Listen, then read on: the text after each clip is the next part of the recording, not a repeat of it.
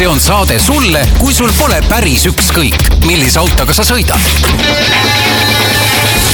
autotunni toob teieni Enefit Volt, nutikas ja tulevikukindel elektriauto laadimine kodus, tööl ja teel. tere kuulajad, Autotund tagasi, üllatavalt kiiresti seekord, aga õnneks on vahepeal ka teada, teateid, teemasid juurde tulnud.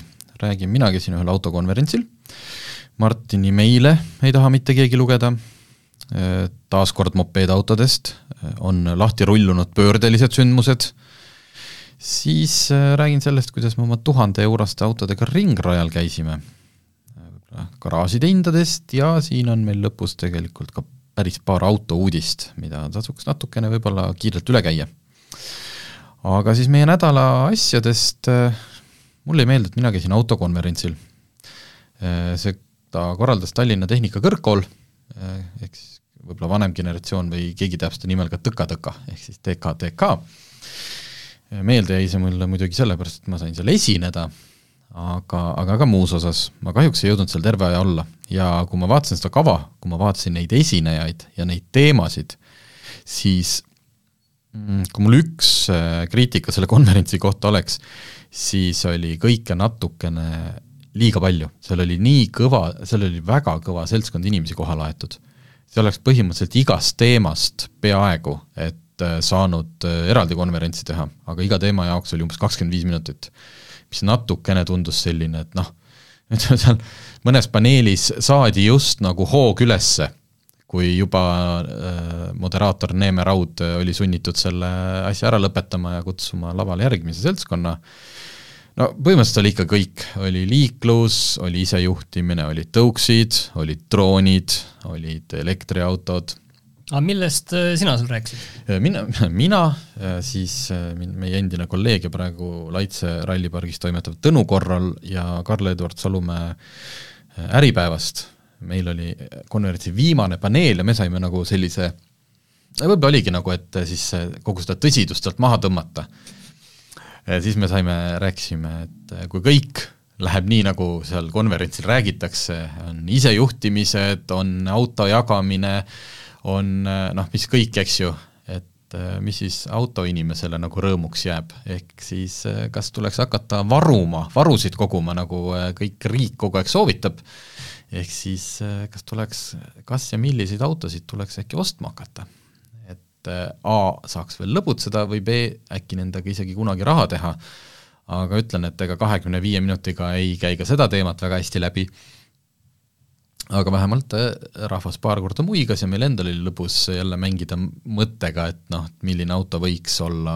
aastal kaks tuhat kakskümmend viis või aastal kaks tuhat kolmkümmend selline, millega sa veel võid sõita, noh enam-vähem igal pool, võib-olla Londoni kesklinnas ei, või muidugi juba praegult paljude autodega, aga mis võib-olla siis, kui sul on vaja või tahad natuke garaažiruumi, et müüd maha ja natuke võidad. Äh, aga mulle äh, enne meid äh, just esinesid, rääkisid noored ja ühesõnaga autoinsenerid. üks inimene tudengivormelist, üks Clevonist ja siis Ruuben Lend Koenigsegist rääkisid, et et äh, kuidas siis äh, selle kõigeni jõuti ja tore, naljakas oli see, et seda kõiki neid ühendaski tudengivormel. Ja Ruuben Lend, kes nüüd on aastaid toimetanud Königsegis, rääkis nagu, tõi välja päris huvitava sellise seiga, fakti, noh, millega niimoodi antud hetkel äh, ei ole eriti kellelgi midagi teha, aga põhimõtteliselt kui sa oled praegult väga hea autoinseneeria tudeng ja tõesti päriselt tahad seda teha, siis ta ütles, et eh, noh, näiteks eh, põhimõtteliselt nende juures nemad ootaksid nagu käed, käed süliavali, et tuleks eh, noored asjalikud insenerid sinna toimetama. lihtsalt mõtled seda, et nagu noh, et kui mingitel elualadel, ma ei tea, kui sa oled arst, noh, noore arstina, siis ikka päris mitu aastat noh, peaksid nagu ikkagi kuidagi ronima, mingeid asju tegema, et sa saaksid kuskile äh, tipptasemel nagu ma ei tea, mis arstinduses või, või mõnel teisel alal, issand jumal, advokatu-, noh, kui sa oled jurist, eks ju, mitu aastat pead sa seal äh, kohtusaalis nühkima, enne kui sa üldse saad advokatuuri liikmeks ja siis mis seal kõik need tasemed on.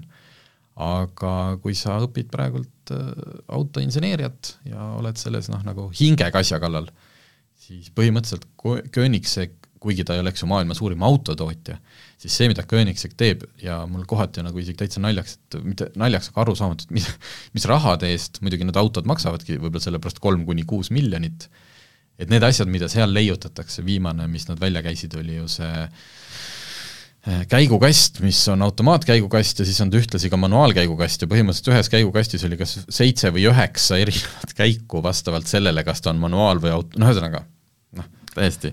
aga see kõik see arutelu, ma loodan, et see oli teil nende Euro seitse standarditel, nendega seoses ka, et Võibolla mis tulevikus seda... hakkab juhtuma, ei, see oli pärast seda. Ka võib-olla, võib-olla see, seda, ei see uudis Euro seitsme kohta tuli pärast või see info no, aga minu meelest see uudis on nagu väga-väga igal pool radari alt läbi käinud, sest tegelikult seal tundub, et seal nagu ikkagi päris, päris palju asju muutuvad ja palju rangemaks autode juures ei, nõus. Ja, ja sellepärast noh, sellepärast ilmselt paljud firmad ja tootjad ikkagi noh, kogu seda elektri asja noh, üldse sähmivadki, et äh, aga see ei ole ainult elekter, selles mõttes, et seal on mingid asjad, mida elekter üldse ei, ei puuduta, et seal ongi see, et kui praegu on autode õhusaastet noh, mõõdetakse see, et mis sealt torust tagant välja tuleb, on ju. aa, et siis hakkab kogu elutsükli ei, mõõtmine? see on niikuinii ka, aga ka see, et mis piduritest tuleb ja mis rehvidest tuleb, et see ei muuda ju seda, et mis, mis, mille jõul see auto liigub edasi. et see on nagu väga huvitav minu jaoks üldse, et kuidas seda hakatakse mõõtma. et tehasest tuleb auto, on mingid rehvid, on mingid pidurid, on ju, kui sa vahetad klotsid ära, vahetad kettad ära, paned teised rehvid mis see nagu üldse tähendab, kas mingid Hiina mingeid täiesti suvalisi rehve, kas sa võid üldse enam Euroopas äh, kasutada, et see on nagu täiesti nagu tume Siin... maa ja keegi ei ole minu jaoks seda küll lahti nagu seletanud, et äh, ei no sina ilmselt saama? seda ei peagi teadma, see käib kuskil mujal, samamoodi nagu sina ei, sa ju ei tea, kuidas praegult, eks ju, täpselt see CO2 mõõdetakse, kõik see, isegi okei okay,, CO2 ja kütusekulu, need on reaalselt, et kui mingi ähm, agentuur või ametkond tahab tulla kontro-, noh et kuulge, ega te siin äh, sikku ei tee, et noh, võtavad selle auto ja hakkavad siis äh, mõõtma.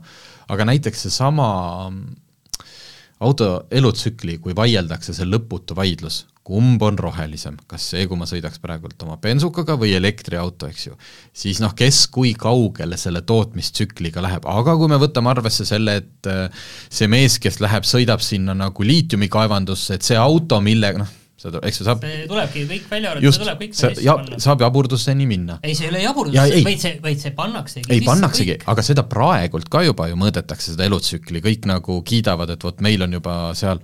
Aga kust see tuleb? Või ku-, mingid asjad, mida lihtsalt ju autofirma edastab ja ütleb, et noh, keegi eales ei jaksa, kuule isegi sellesama emissioonitestid, millega Volkswagen siin mõned aastad tagasi nagu vigurdas, kirjutas tarkvarra pettis, kasutab õigeid sõnu kirjutas tarkvarra mingi koodijupi, et testi ajal käitub auto ühtemoodi ja, ja tegelikult need mingid asjad on ju valdavalt selle pealt, mida ettevõte ise esitab. nii, meil on siin see partner, kes toodab meile seal no, kauges riigis, toodab noh, ühesõnaga. aga okei okay,, aga kogu selle teema juurde tuleme kindlasti veel äh, tulevikus äh, tagasi, et enne kui ma räägin enda nädalast, kas tahad veel seda konverentsi kuidagi kokku võtta? Taht-, väga tahaks sellele pühendada võib-olla isegi pikemalt, kahjuks ma sain äh, seal olla mitte terve konverentsi, ma liitusin kuskil võib-olla viimase kolmandiku peal, sest ma pidin tööd tegema. aga lihtsalt äh, iseenesest äh, tundus olevat vägev ja ma loodangi, seal, seal oli ikkagi saarrahvas täis, et seal võib-olla sündisid uued huvitavad kokkulepped, võib-olla saab sealt ise mingid teemad niimoodi, ma pean uuesti läbi käima. et kas või see, et keda saatesse kutsuda ka seal neid, neid nimes seesama näiteks Ruuben Lend, et äh, Königsegist, et väga, väga huvitavalt rääkis ja ma arvan, et tal oleks siin äh, öelda küll. nii, aga sina, mis sa tegid? eelmine nädal ma rääkisin, et äh, ees mul autol need ääretuled ei tööta, no mis siis ikka, käisin korra seal kapoti all ära, sain aru, et pigem võiks seda keegi teine teha ja siis võtsin ette mõned töökojad, kes on mul selline paarikümne kilomeetri läheduses ja saatsin nende lehekülgedelt äh, siis, et äh, paluks hinnapäringut, et mitte lihtsalt ei kirjutanud neile üldmeili, vaid seal ongi see, et tahad mm -hmm. hinnapäringut, täida see, need lahtrid siin ära ja siis me vastame. ma võin öelda, mitte keegi ei vasta, kas asi on, ma ei ole ühtegi meili tagasi saanud, et mul on noh, kaks, kaks teooriat lihtsalt, üks asi on see, et rehvivahetused käivad.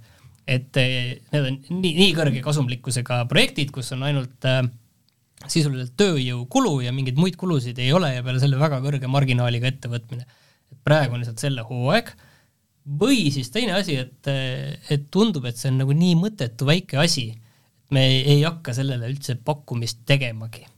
et teine asi on see, et okei okay,, tulede on noh, see võib olla tõesti selline mm, kakskümmend minutit, see võib olla neli tundi, on ju, et küsige siis absurdselt palju raha mu käest aga ei, seda ka keegi ei tee. ma saan aru, et töökodadel on väga-väga head ajad ja neil läheb väga hästi.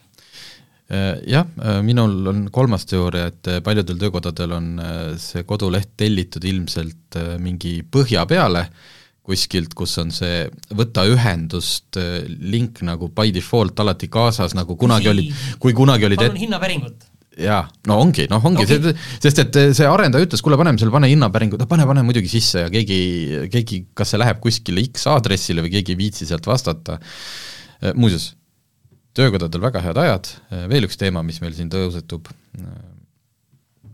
meil siin kolleeg Margus Pipar helistas ühe asja raames töökodast läbi ja sai teada, et mingid töökohad, mis on olnud päris tuntud, mida inimesed kasutavad, on kas tööta-, kas tegevuse lõpetanud või näiteks lõpetamas. et nad ei vasta nende hinnapäringutele ja raha ei jookse sisse ja okei okay,, ma lihtsalt tahan öelda, et need ei ole noh, okei okay,, üks-kaks nendest olid võib-olla sellised suvalised nurgatagused garaažid, aga kaks neist on vähemalt sellised, mis on üle-eestiliselt tuntud äh, töökoja brändid ja seal ka ei vastagi. ma arvan, et lihtsalt ei viitsigi selle emaili vastata, kui sul on vaja, siis helistad. mina teeks ise niiviisi, et küsige absurdset summat vot, nii, aga üks teema eelmisest nädalast äh, jäi meil õhku, nagu ma siin äh, lubasin, et mopeedautod, meie rääkisime sellest, et äh, ülevaatus ja kuidas nad sealt kõik kolinal läbi kukkusid, mitte kõik, kuni nelikümmend protsenti. ja kõik isegi mitte kolinal, vaid paljud ka väiksemate asjadega, aga ilmselt osad ka väga suurte asjadega. aga see asi, kuidas ma ütlen, eskaleerus on tehtud ettepanek, see ei ole veel jõudnud, ma ei tea, mitmest komisjonist või millal ta peaks jõudma sinna, et see üldse nagu seaduseks või asjaks muutub, aga keegi on teinud ettepaneku, see on läinud, see oli selles infosüsteemis toodud, see no Majandus- ja Kommunikatsiooniministeeriumist, et eh, siis eh, ikkagi eh, on see ettepanek, et, et see ei ole nagu päriselt sellisel suvalisel tasemel, mhm. on ju, et sisuliselt ikkagi riik on võtnud kätte äh, et eh, mopeedautode juhtidel peaksid ka olema mingid load. et siin on muidugi mitu asja nüüd, üks asi on see, et küsimus on, mis load on ju, et kas neil on siis B-kategooria load, on neil äh, mopeediload, aga vähemalt, et mingid load neil peavad olema, ei saa olla nii, et neil ei ole mitte mingit luba.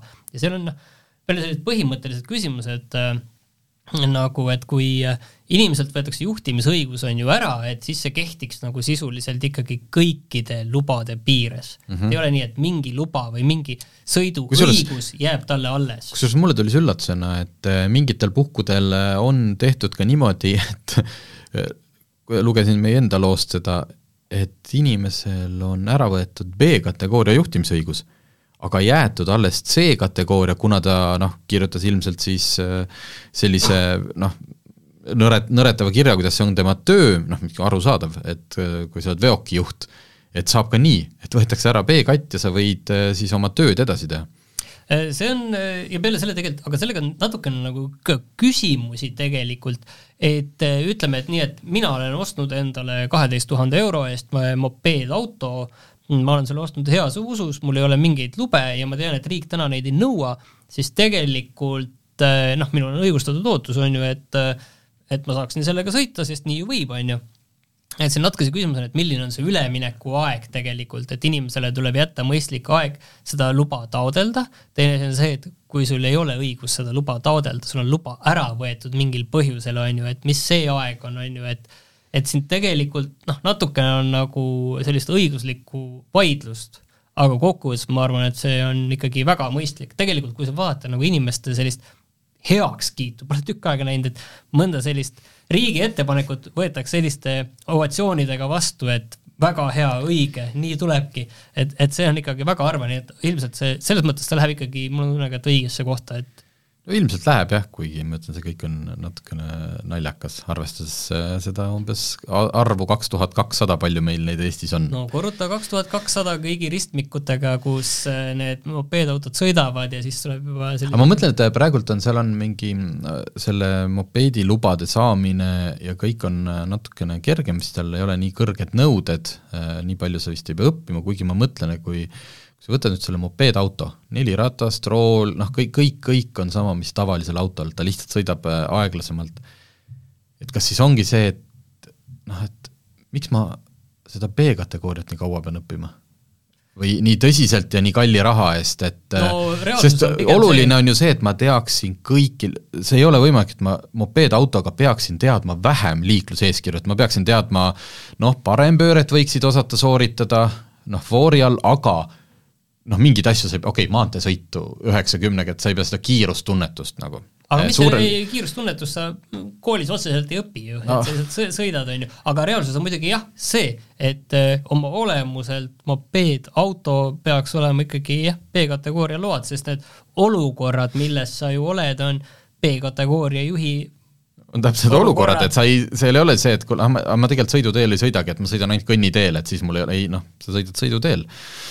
et et eh, see, siis ma tunneksin jälle natukene nagu küsimus, et eh, mul kohati on tunne, et kas meil Eestis see lubade saamine on ikka maru, maru keeruliseks tehtud vot ei tea, ma vahepeal nägin eh, videot, kuidas Hiinas tehakse platsisõitu, siis ma sain aru, et meil on kõik tegelikult väga-väga lihtne. kuidas?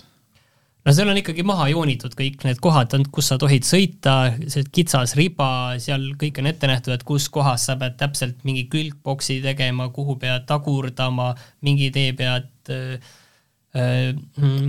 mingi pöörde, siis pead tagurpidi sõitma läbi ja mm. selline noh, mööda joont kõndima, põhimõtteliselt sa pead olema selline tsirkuseloom ikkagi, kes peab nagu mingi triki pähe õppima igatpidi ja selle triki läbi tegema, et selles mõttes meie see päris liikluses, päris liikluse olukorrad, et kõik see, kuidas nüüd viimastel aastatel seda äh, mm, B-kategooria eksamit on uuendatud, et see kõik nagu see on paremaks läinud, ei, selline selle, sellepärast, sellepärast mina olengi selle poolt alati olnud ja öelnud, aga noh, oli see, et kui me panime loole kunagi siin paar aastat tagasi pealkirjaks, et nagu eksam läheb lihtsamaks, siis äh, Transpordiametist me saime nagu sellise väikse tähe, noh tähelepaneku, et ei lähe lihtsamaks, nagu et ikkagi noh, nagu kuidagi nagu üritati, et ei, ikka peate õppima, et ärge nüüd siin hakake luuslanki lööma, noh. päris elule. päris elule läks sarnasemaks. elulisemaks.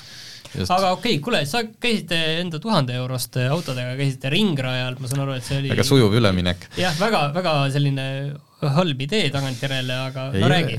ei, selles mõttes, kuna me siiani oleme oma tuhande eurostega noh, põhimõtteliselt võrrelnud seda, et kes kõige parema diili sai, eks ju, siis nüüd me ikkagi panime konkreetselt paika, kes sai kõige parema auto. et kõige kiirem, kõige parem kiirendus, kõige parem pidurdus ja oh üllatust, auto, mis on teistest mäekõrguselt üle tänu sellele, et ta on palju moodsam, palju, palju luksuslikum äh, Volvo, aga tore oli see, et Laitses avati see uus kardirada, kuhu noh, tegelikult väga niimoodi peale ei lasta, et see on äh, pigem nagu võistluskardirada, et see ei, sinna ei tule see hobikaardi see, et see on ainult võistluste korraldamiseks, aga me saime oma autodega peale ja ma ütlen, et minu omaga oli kõige lõbusam, sest minul on tagavedu ja manuaalkast, vihmane ilm oli aga siis saad ikkagi aru, et noh, mul ikka hull kirst oli, et äh, võrdluseks, et mina läbisin ringi üks null üheksa ja Margus Pipar läbis oma Volvoga ringi üks null kolm. ehk et kuus sekundit juba sellist, et noh, see autode võimsuse vahe ei olegi nii suur, aga tal on lihtsalt see pidurdusvõime ja võib-olla ka oskused, ei tea.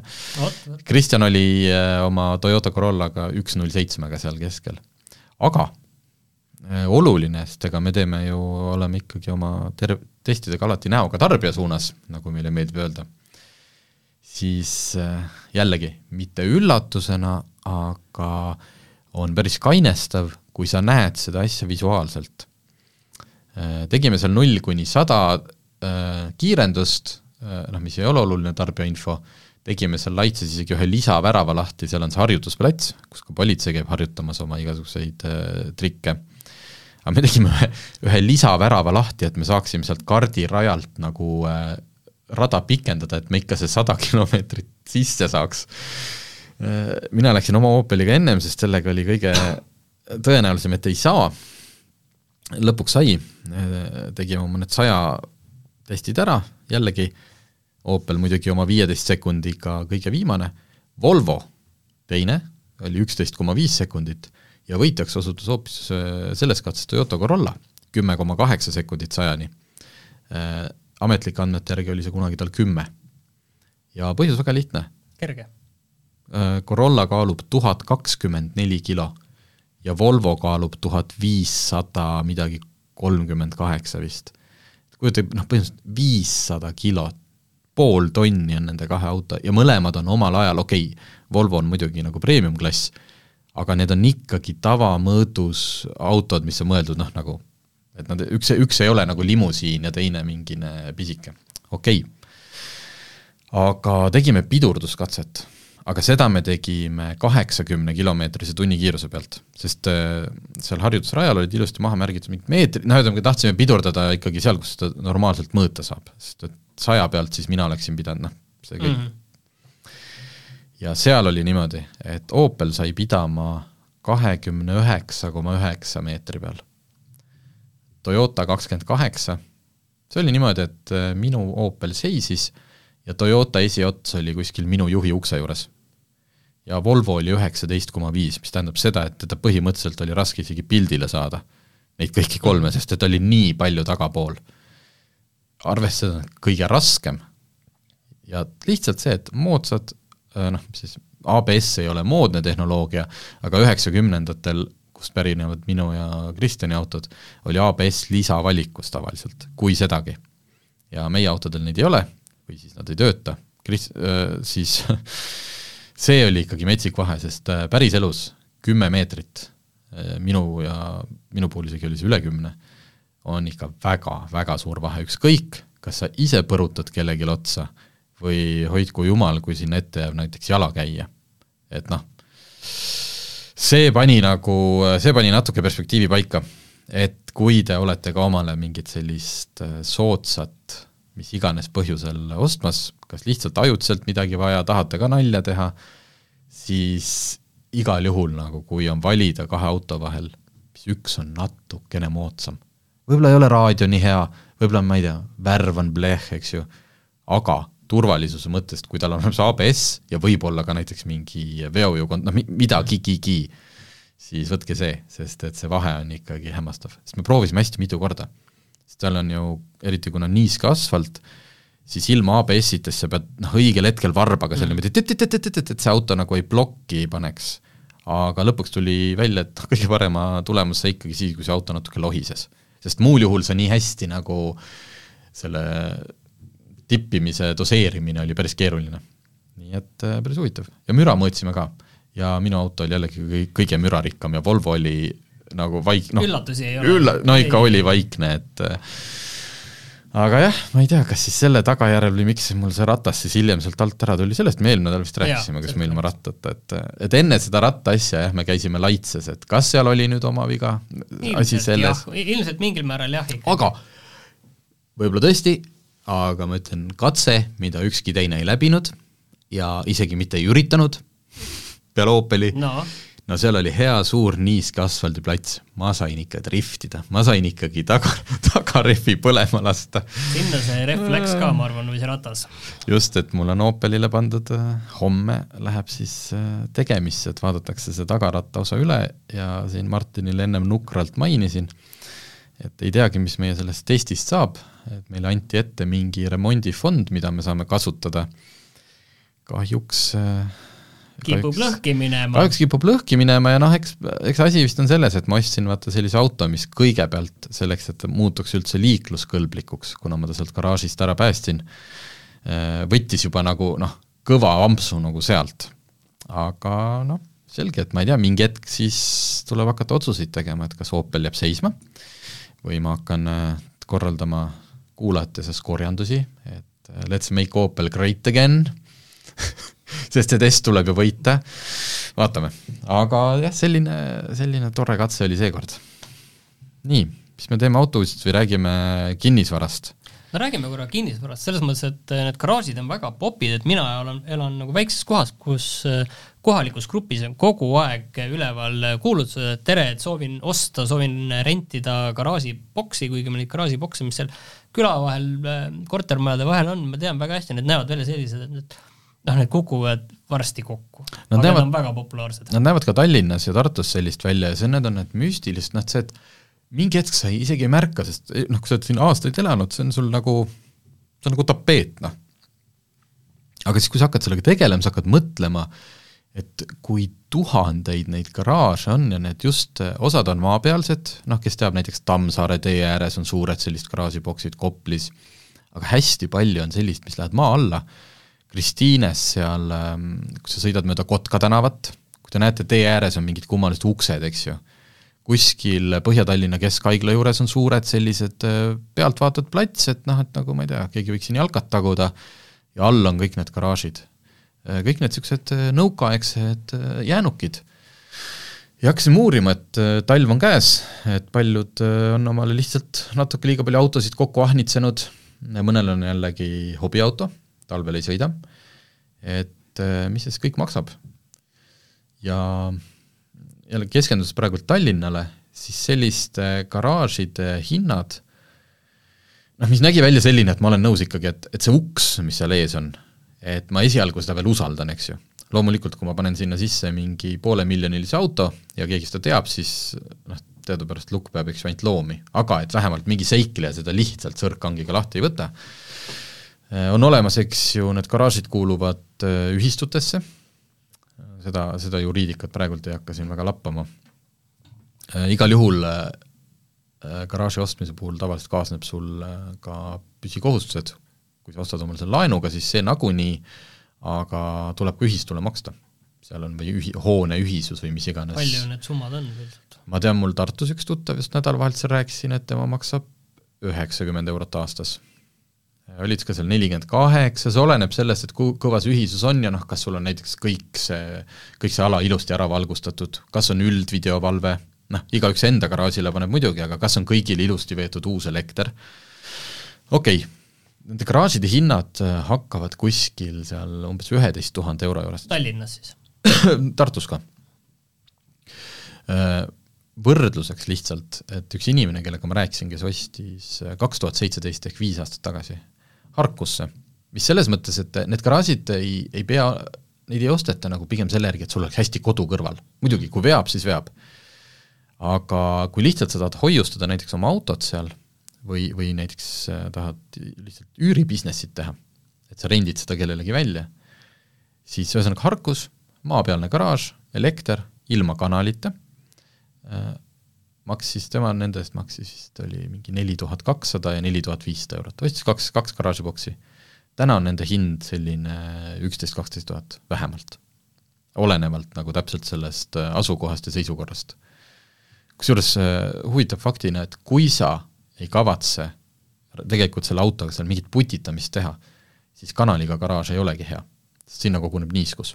Ja kui su kallis hobiauto seisab seal ilusti noh, selle niiskuse kanali kohal, niiskuse kohal, siis põhi on esimene asi, mis sul no vähemalt kanali võib täis laduda. just, või seal äh,, rääkides kinnisvarafirma esindajatega, selgus, noh, ma vaatan ju noh, niimoodi, mul nii kitsad prillid kogu aeg nagu auto, auto, auto, auto, et enamus inimesed kasutavad neid lihtsalt laoruumidena, nagu miniladu, et nendes suurtes äh, elamu- või magalapiirkondade keldrites ei ole tegelikult, noh seal on, kui on üldse, siis mingid väga minimaalsed boksid, aga tõenäoliselt mitte, sest et noh, come on, üheksa korrust, on ma ei tea, mitu seda viimastel, kon-, viimastel aastatel on neid, neid ka vist hakatud nagu kontrollima põhjalikumalt, et seal ei olekski, need ei oleks mingit sodi täis, et vastaks tuleohutusele ja nii edasi ja nii edasi. siis mõtledki, et reaalselt, et noh, sul elu, elus ikka koguneb, muidugi me võime rääkida lõputult minimalismist ja kellel on surres kõige rohkem asju, aga fakt on see, et sul on neid asju. Ja siis on see, et kas sa, eks ju, rendid mingi tänapäevase minilao, mis on tegelikult päris kallis,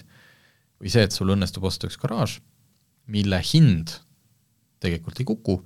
Ja kui sul endal tegelikult selgub, et äh, lähedki minimalismi teed, see jääb sul üle, siis rendid lihtsalt välja.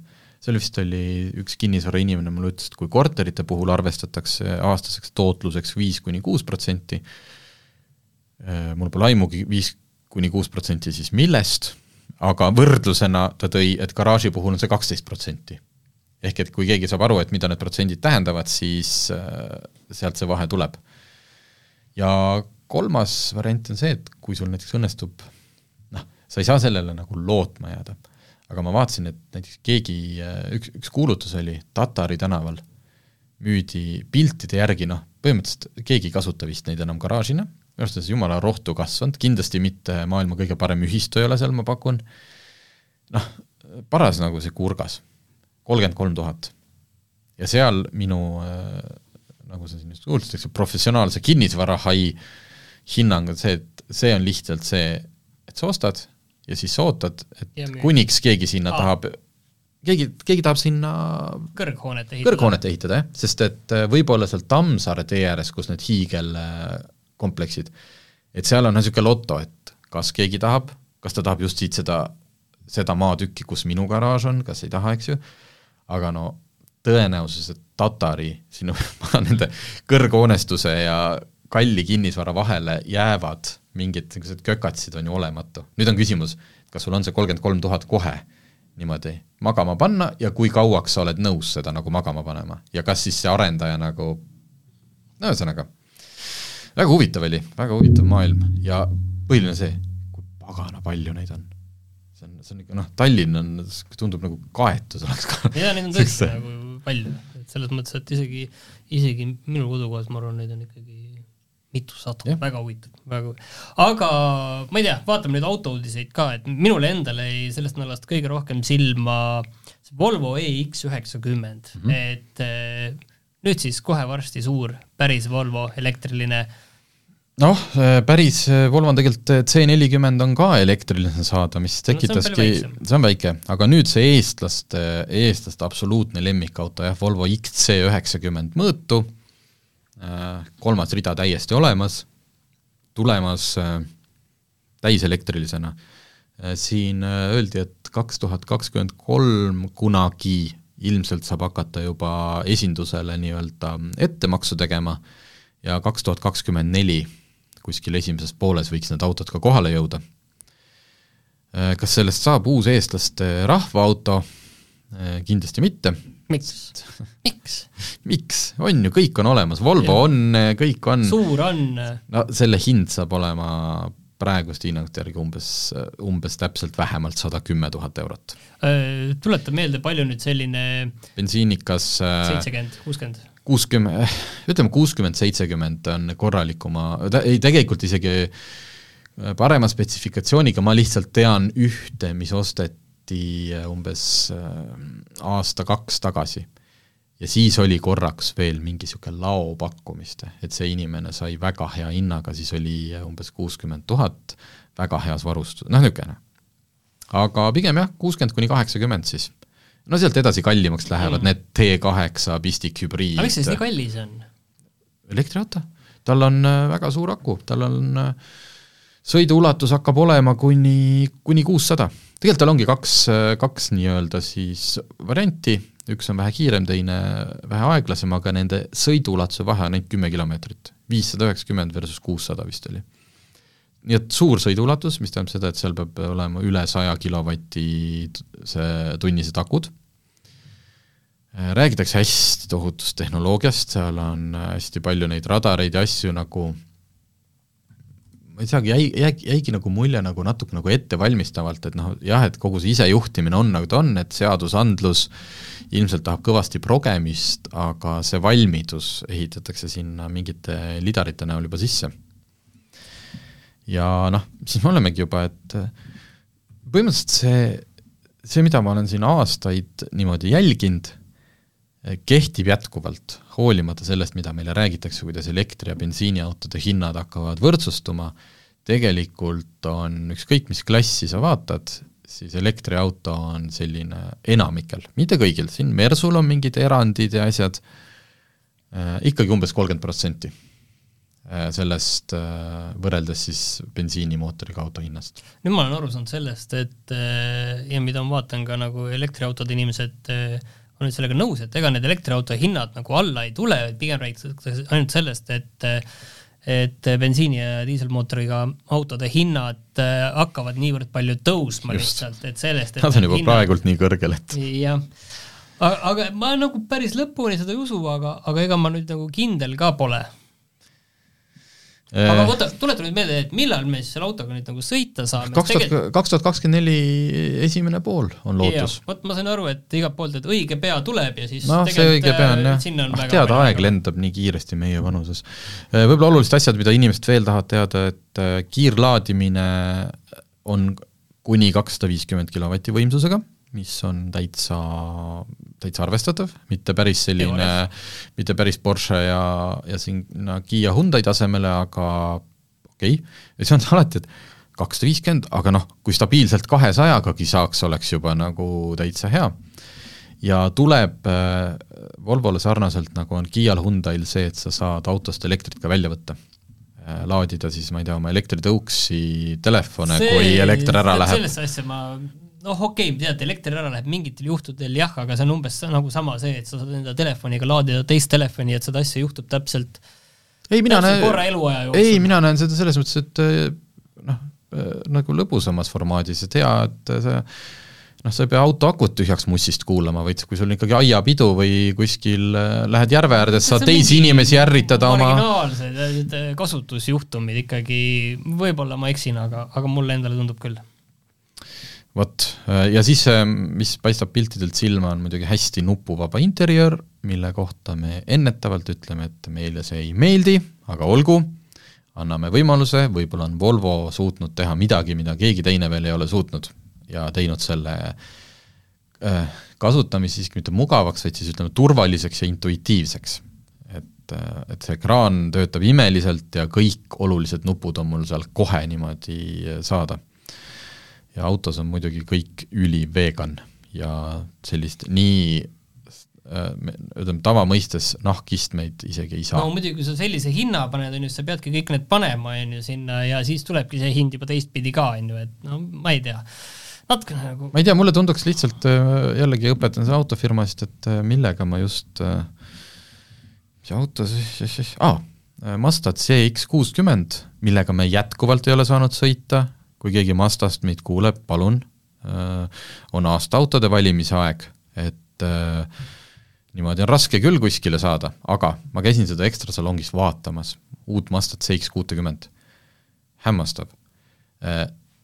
Rääkides ainult staatiliselt seisvast autost, mis maks-, ta on pistikhübriid, mis tähendab seda, et loomulikult seal on akud, saab sõita päris palju kilomeetreid elektriga, väga võimas tänu sellele, hämmastavalt suur, okei okay,, toas näevad kõik autod natuke suuremad välja, eriti kui seal kõrval on MX, MX5, eks ju, aga seal on meelega niikuinii kõrvuti need pandud. just, hämmastavalt suur, istud sisse tagaistmel ka ja seest, saad aru, nii premium, et ma vaatasin seda Mazdat ja mõtlen, et kui ma korraks unustan ära ja tegelikult me võimegi unustada ära noh, selle lõputu selle brändi, sest see oleneb, see, kuidas on see brändi nagu snoob, brändi snobism.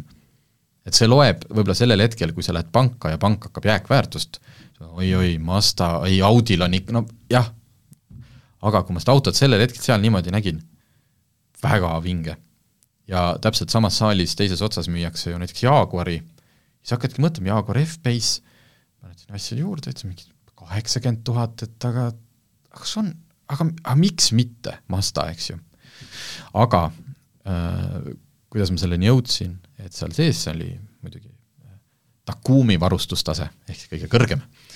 Nad, neile hästi meeldivad, et nad on aru saanud, et see niisugune Jaapani sõnad ja asjad müüvad ja hästi palju oli seal armatuurlaual kasutatudki kangast nagu selle noh, nii-öelda rõveda plastiku katmiseks.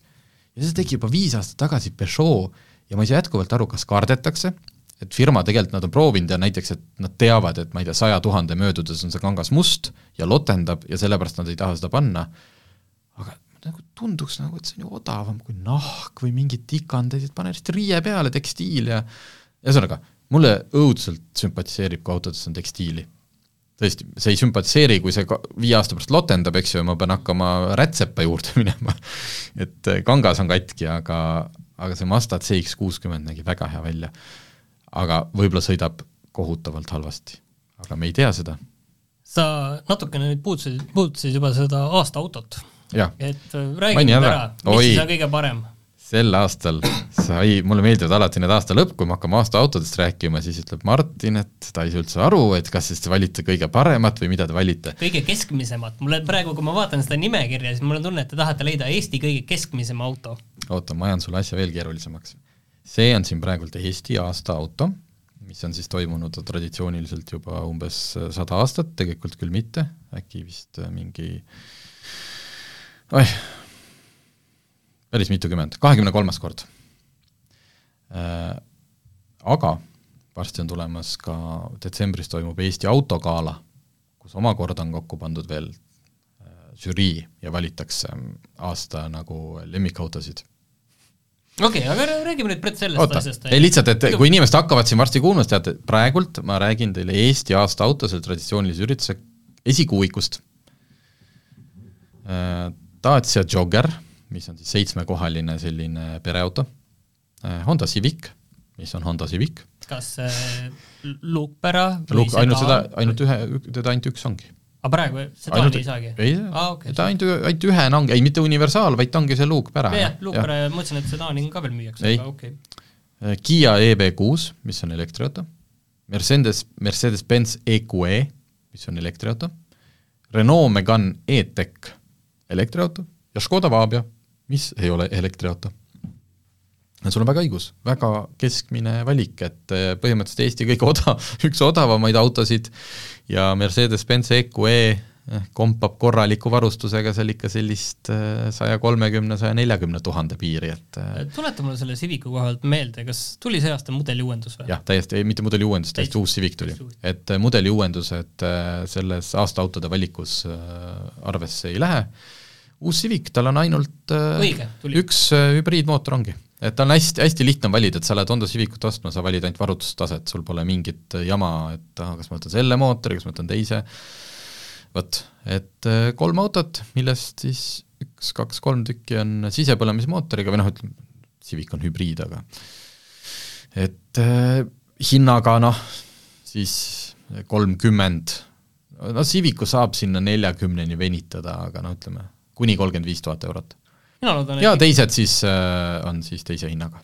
mina loodan ikkagi, et Dacia Jogger saab, et see on ikkagi kusjuures sellest, kui ma vaatan seda nimekirja, siis mulle nagu kas Civic või see Dacia tundub nagu kõige, kõige loogilisem olema, et mida oleks nagu võimalik, võimalikult lihtsalt nagu ära põhjendada. võimalikult, noh jah, jah. aga õnneks teil on see asi muidugi, et keegi ei pea midagi põhjendama, vaid lihtsalt üks valitakse välja, see, mis on siis nende selle mm, žürii arvates kõige Tead, keskmisem. me saame, me saame põhjendada ka, sest me teeme oma autolehe ekstra, kus me iga aasta need testisõidud, mis meil on olnud, äh, paneme samuti järjestusse ja siis me võime teha saate, kus me siis ikkagi põhjendame sulle ja ka kuulajatele muidugi, miks mingi auto sai sellise koha, nagu ta sai. aga kiirelt siis veel, et äh, Maserati Grecale millega me just hiljuti sõitsime, varsti räägime, tegi koostöö, koostööprojekti ikka tehakse, teevad järjest noh, niimoodi mingid spetsialid tavaliselt, need firmad, kes sõidavad vormelisarjas, siis nad üritavad teha seal Coulthard Special, mingi Mercedes A-klass oli kunagi. Maserati, kellel on vaja võita ju oluliselt tusu, turuosa, et üldse ellu jääda, otsustas, et nende koostöö sünnib Barbiga. miks? ma arvan, et see on selle filmiga seotud.